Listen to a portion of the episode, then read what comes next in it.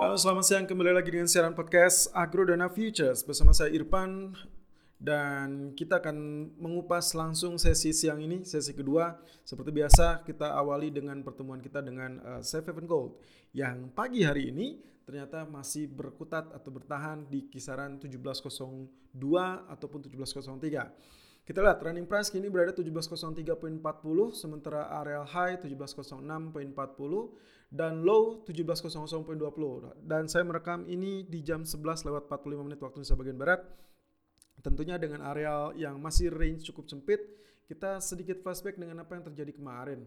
Dan ternyata kemarin betul-betul naik ya, mengalami kenaikan yang cukup lumayan signifikan juga uh, dia sempat menyentuh areal 1710.70 dengan area terendah dari pagi hingga malam hari masih tetap bertahan di 93 ya 1693.60. Jadi uh, skenario kemarin sebetulnya cukup berhasil karena di pertengahan sore uh, saya sempat melihat area 1698 sempat disentuh terlebih dahulu meskipun hanya sekejap lalu kemudian dia rebound dan saat rilis data CPI dari AS yang ternyata dirilis data di bawah estimasi ya untuk uh, monthly dan juga cenderungnya yearly ya untuk untuk yearly terutama. Dan itu membuat potensi pergerakan sedikit tersendat. Kalau penurunan terjadi justru hanya total 1698 kembali di 1701 meskipun itu pun dengan pergerakan yang relatif uh, flat menurut saya Ya, lalu kemudian dilanjutkan dengan statement-statement dari para official Fed ya.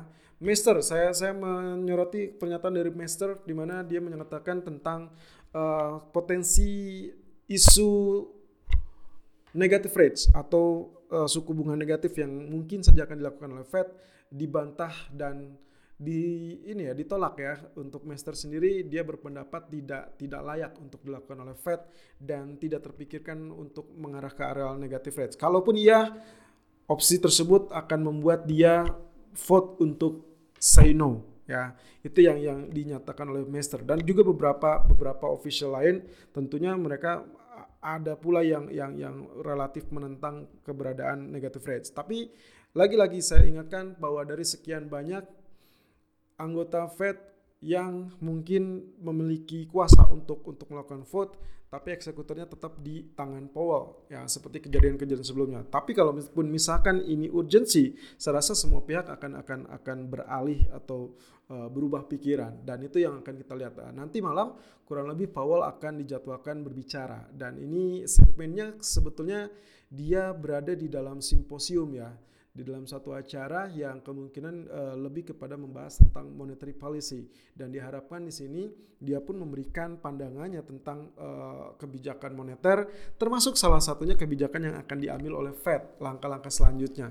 Dan tentunya pelaku pasar sebetulnya ini tidak tidak serta merta harus Fed me, atau Powell mengatakan tentang tentang kebijakan moneternya. Tapi kadangkala saat sesi tanya jawab akan ada masa di mana uh, pers akan melakukan pertanyaan ataupun anggota dari eh, peserta simposium tersebut akan melakukan pertanyaan terkait kebijakan yang diambil oleh Fed.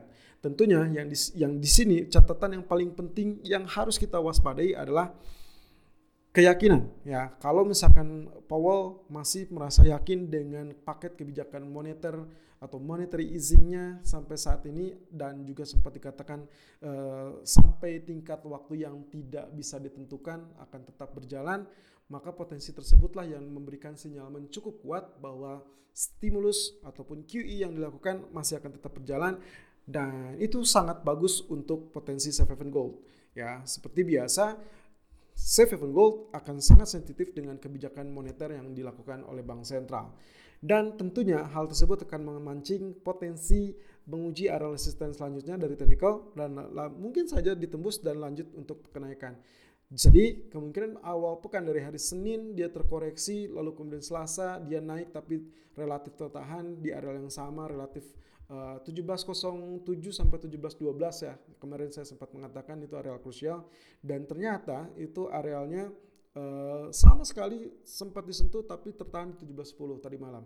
Jadi kemungkinan inilah yang mengakibatkan kenapa pergerakan relatif sepi tadi malam dan akan ditentukan untuk malam ini. Termasuk juga datanya data-data data lain ya. Tapi kurang lebih untuk malam ini economic calendar hanya menunjukkan data PPI ya, Producer Price Index untuk AS yang juga diprediksikan akan mengalami pelemahan.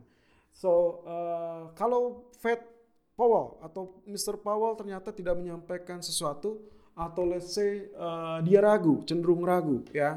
Kita sebutnya dengan dovish, maka kemungkinan potensi inilah yang akan menekan kembali haven gold.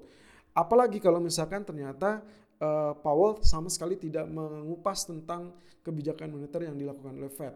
Ya, kalau itu terjadi maka harapan dari dari investor yang mengharapkan adanya statement yang meyakinkan atau yang cukup meyakinkan itu sama sekali tidak di, diperoleh dan akhirnya berujung kepada kekecewaan. So itu adalah momentum di mana gold akan berubah arah menjadi depresiasi atau penurunan.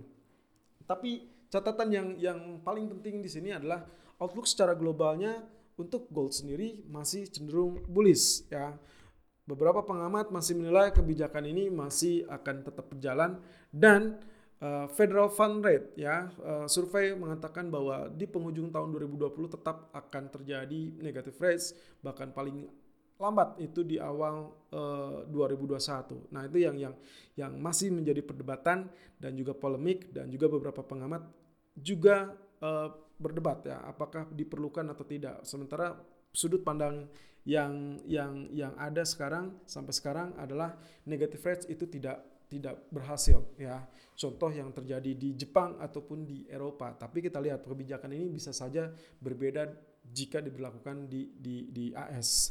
Tapi saya rasa kalaupun bukan negative rates, dengan adanya paket kebijakan QE quantitative easing di mana quantitative easing ini berarti dia memperbanyak uh, mata uang artinya bisa saja dengan mencetak dan lain-lain maka kemungkinan potensi inilah yang akan menjadi bumbu ataupun senjata pamungkas Fed selanjutnya bisa saja ditambahkan. Itu kemungkinan statementnya atau pilihan dari senjata atau tools yang akan digunakan oleh Fed selanjutnya.